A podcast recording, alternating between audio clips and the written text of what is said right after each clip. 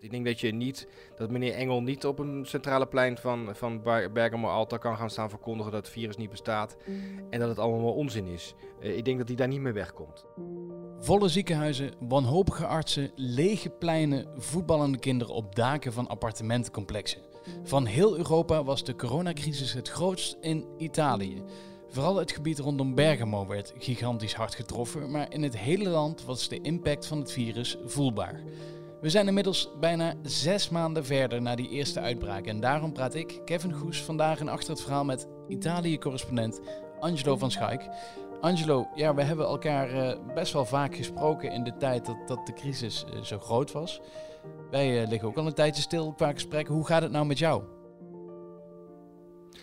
Met mij gaat het eigenlijk wel goed. Ehm, we zijn van de zomer gewoon op vakantie geweest, we maar zeggen. We zijn zoals gebruikelijk bij mijn schoonouders op Sicilië geweest. Ehm, en daar was het eh, eh, ja, wel wat rustiger dan normaal, maar eh, toch redelijk druk. Ik had het minder verwacht, eerlijk gezegd. Ehm, dus na twee weken uitgerust op het strand, want mijn schoonouders wonen op eh, 200 meter van het strand ongeveer. Ehm, zijn wij weer teruggegaan naar Rome en hebben wij ons leven weer opgepakt. Dat was al een beetje veranderd hè, sinds, sinds de lockdown op 4 mei echt eindigde. Eh, maar nu, eh, nu ja, iedereen weer terug is in de stad, lijkt het eigenlijk wel weer helemaal normaal. Het lijkt alsof het zeg maar een jaar geleden is. Er is niet Ja. zo heel veranderd op, veel veranderd op dit moment. Eh, het enige is dat mensen met, met mondkapjes in winkels lopen en op scholen, maar voor de rest niet zo gek veel. Ja, want houden ze zich daar wel goed aan, de Italianen? Dat ze overal mondkapjes dragen. Afstand houden bijvoorbeeld, is dat er nog? Ehm, mondkapjes sowieso. Je komt geen winkel binnen, geen school binnen, geen, geen bar binnen, geen restaurant binnen zonder dat je een mondkapje op hebt. Ehm, er staan ook overal van die, van die, van die pompjes met van die, van die hygiënische gel. Ehm, daar kan je dus consequent je handen mee schoonmaken. Daar, daar wordt vrij strikt de hand aan eh, gehouden. Althans hier in Rome. Ik, op Sicilië was dat allemaal wat minder, wat losser. Mensen hielden zich daar iets minder aan de regels. Eh, misschien omdat het daar gewoon veel minder veel groot impact heeft gehad dan, dan hier, of helemaal in het noorden natuurlijk. Ehm, afstand is eh, ja, maar Italianen zijn toch al wat lijfelijker en staan wat dichter bij elkaar dan dat Nederlanders dat doen.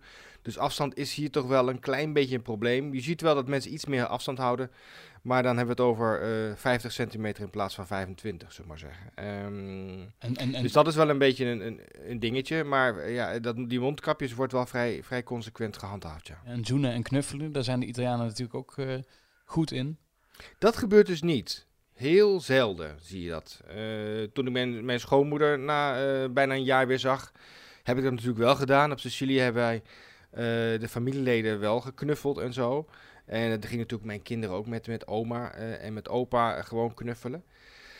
Maar met vrienden en met bekenden, met wie je dat normaal gesproken ook doet, daar, dat, dat gebeurt niet. hebben wij zelf niet gedaan, maar je ziet het ook mensen het niet doen. En dat zie je hier trouwens in Rome ook. Mensen houden toch wel afstand, geven elkaar een elleboog of een box of zwaaien van een, van, van een afstand. Het zoenen en het, en het knuffelen is een beetje eruit op dit moment. Um, het gebeurt wel, maar uh, heel zelden. En, en dan, ja, dan kijken mensen toch een beetje raar op als mensen ineens toch weer gaan zoenen en gaan, gaan knuffelen. Uh, dus dat, dat, is, dat is wel veranderd, zullen we maar zeggen. Nu, nu is het twee maanden lang echt een uh, lockdown geweest in Italië. Jullie mochten ook niet naar buiten. De, de, de voetballende kinderen op de daken van appartementencomplexen, dat heb ik zelfs van jou. Hè? Volgens mij gebeurde dat bij jou thuis ja, met de twee ja, zoontjes. Ja, ja. Um, ja, klopt. Wat is er veranderd sinds die tijd? Um, ja, ja, de eerste stappen uh, uh, naar buiten in mei, een, beetje als, uh, als, die, als die koeien die eigenlijk weer, weer de wei in mogen in het voorjaar.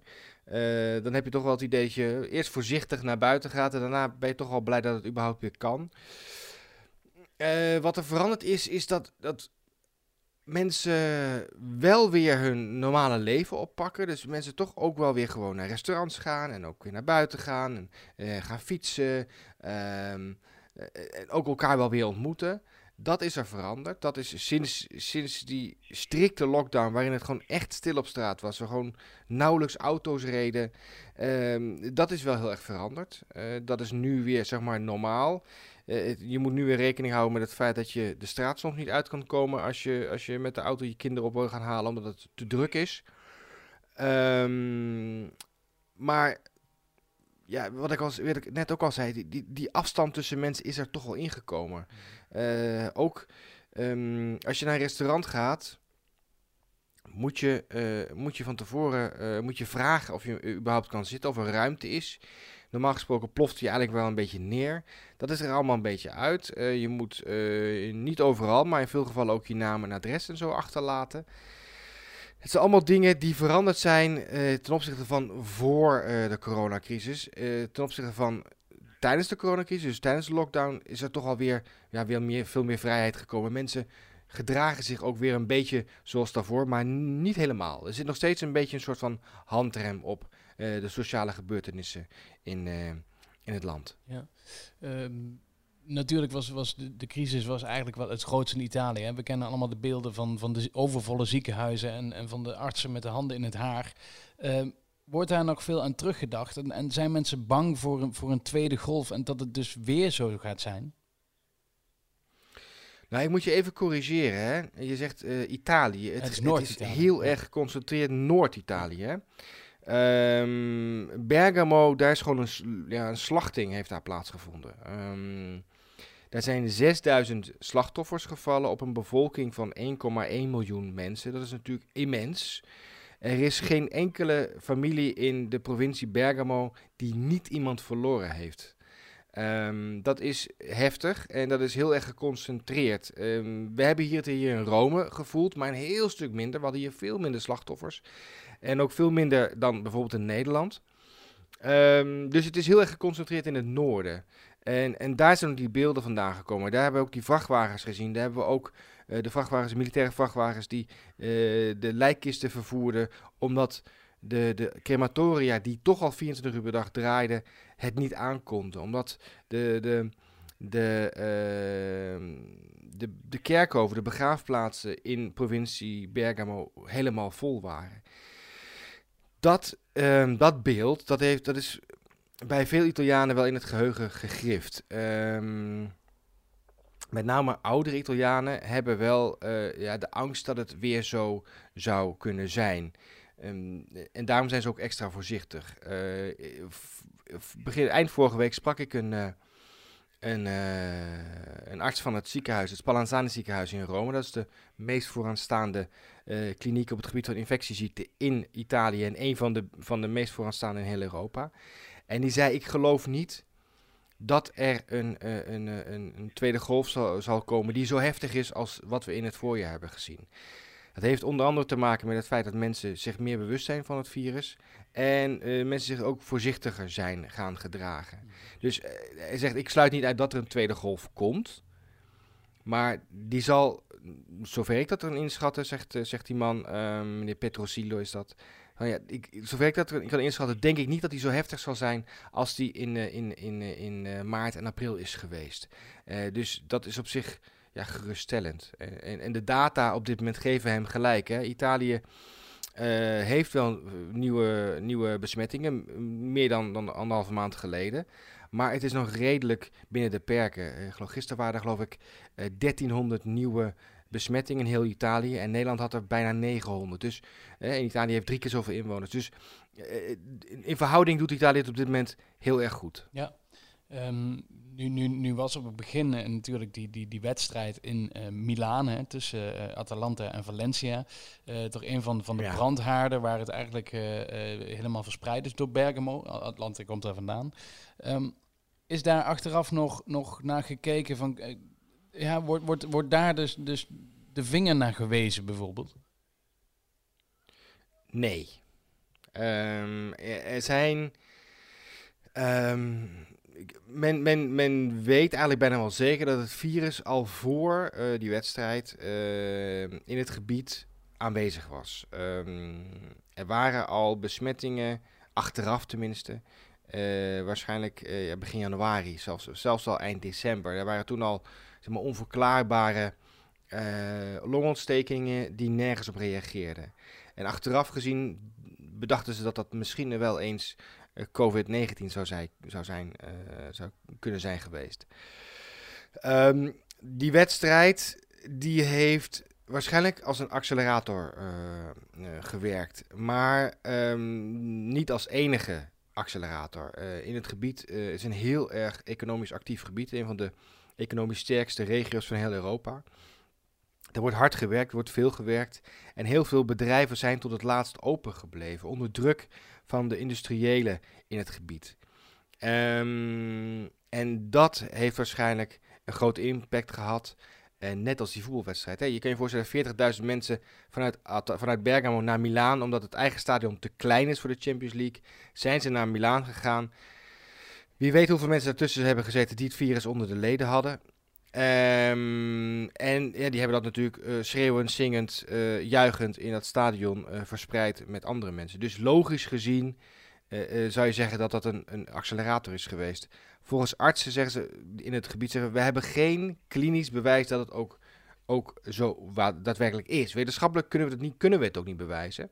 Omdat we niet iedereen hebben getest voordat ze het stadion ingingen en daarna weer getest toen het stadion weer uitgingen. Maar logisch gezien heeft het zeker een rol gespeeld bij de verspreiding van het virus in Bergamo en omstreken, ja. Nu, nu heb je uh, Italië, ja, Noord-Italië vooral hard getroffen. De beelden, we hebben het erover gehad. Uh, nu, nu, hebben we in Nederland hebben we een beetje een tegenbeweging. Hè? Uh, viruswaanzin uh, op dit moment. Maar er zijn ook mensen die zeggen stop de lockdown. ze willen niet meer handhaven van de, de anderhalve meter samenleving. hoe zit het in Italië? Dat is een vrij marginale groep, zullen we zeggen. Afgelopen weekend, of het weekend ervoor, nee, weekend. Nee, afgelopen weekend. Afgelopen zaterdag zijn die bij elkaar gekomen hier in Rome. Maar dat was echt een een heel klein clubje. Um, en die worden toch wel een beetje ja, vreemd aangekeken. Waarschijnlijk vanwege ja, de enorme impact die het hier heeft gehad. De, de, enorme, uh, de enorme aantal slachtoffers wat het met name in het noorden heeft gemaakt. Um, ik merk wel dat in het zuiden, op Sicilië bijvoorbeeld, da dat het daar toch wel wat anders is. Je moet je ook voorstellen, Sicilië ligt verder van Bergamo dan dat Rotterdam van Bergamo ligt, bijvoorbeeld. Dus eh, om even dat even aan te geven dat die afstanden natuurlijk ook enorm groot zijn. Um, dus mensen op Sicilië hebben uh, op een bevolking van 5 miljoen mensen iets van 300 slachtoffers gehad. En in Bergamo hebben ze op een bevolking van 1,1 miljoen 6000 slachtoffers gehad. Dus die impact is heel anders. En ik denk dat, uh, dat daardoor het bijvoorbeeld in het zuiden ook uh, de, aandacht wat minder is. Mensen zijn wat minder geneigd om zich aan die regels te houden, houden zich er ook minder aan. afstanden zijn kleiner. En dat heeft dus te maken met die impact. En in, ik denk dat je in Bergamo nergens komt met het idee van viruswaanzin. Dan word je zelf als waanzinnige uh, de deur uit, deur uitgezet. Ik denk dat je niet, dat meneer Engel niet op een centrale plein van, van Bergamo Alta kan gaan staan verkondigen dat het virus niet bestaat. En dat het allemaal onzin is. Ik denk dat hij daar niet meer wegkomt. Ehm, en dat, maar bijvoorbeeld in Palermo misschien weer wel, omdat de impact daar anders is. Snap je wat ik bedoel? Ja, zeker. Dus die verschillen zijn heel groot. mensen die het aan de lijf hebben ondervonden, hebben minder de neiging om, uh, om, om, om, om, sceptisch te zijn naar mensen die er verder van afstaan.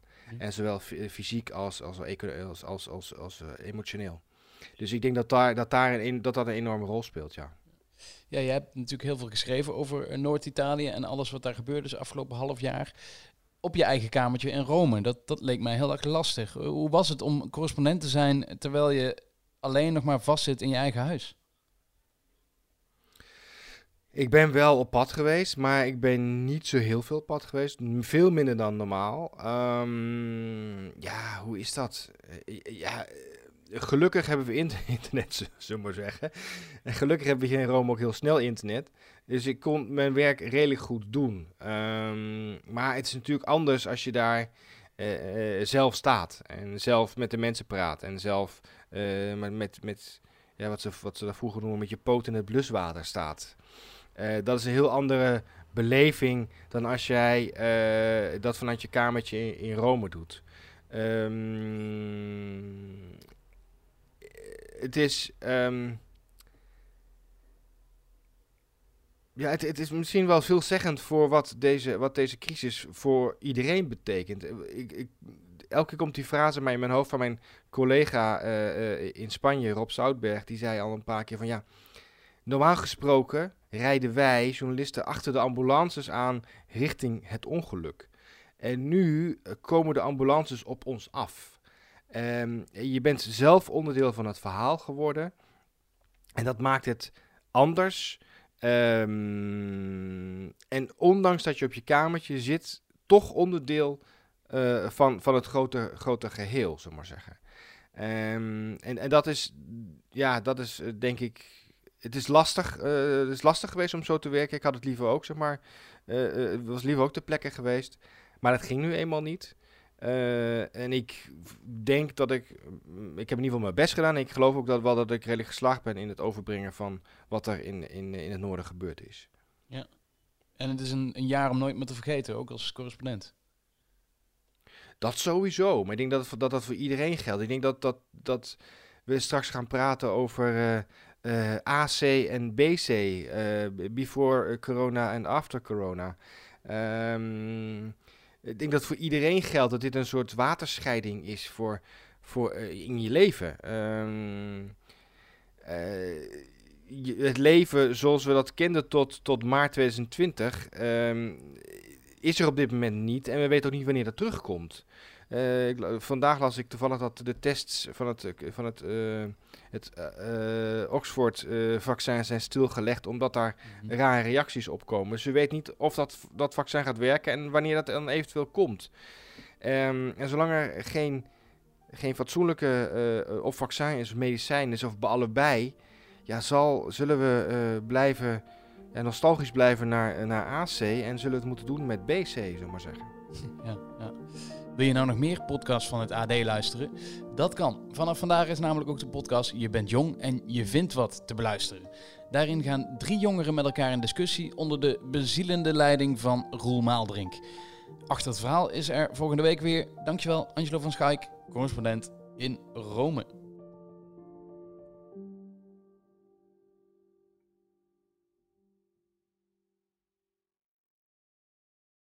Luister nu naar de nieuwe podcast Je bent jong en je vindt wat. De podcast waarin jong Nederland zijn mening geeft over wat de afgelopen weken is gebeurd in Nederland en de rest van de wereld. Iedere twee weken praat ik, Roel Maalderink, met ze over de actualiteit. Ik zie heel graag mensen een beetje grapjes maken in de klas en een beetje je vinger opsteken. Maar juf, dat klopt toch helemaal niet. Weet jij er iets van en je idee laten zien? Ja, waarom ben ik aangehouden en niet de rest hier. Want er fietsen ook andere mensen langs en natuurlijk echt geen antwoord. Het is ook zo, je voelt helemaal mee met die mensen. Want het zijn allemaal mensen die best wel snel zijn afgevallen in die andere afleveringen. Ja. Abonneer je nu op Spotify of Apple Podcasts.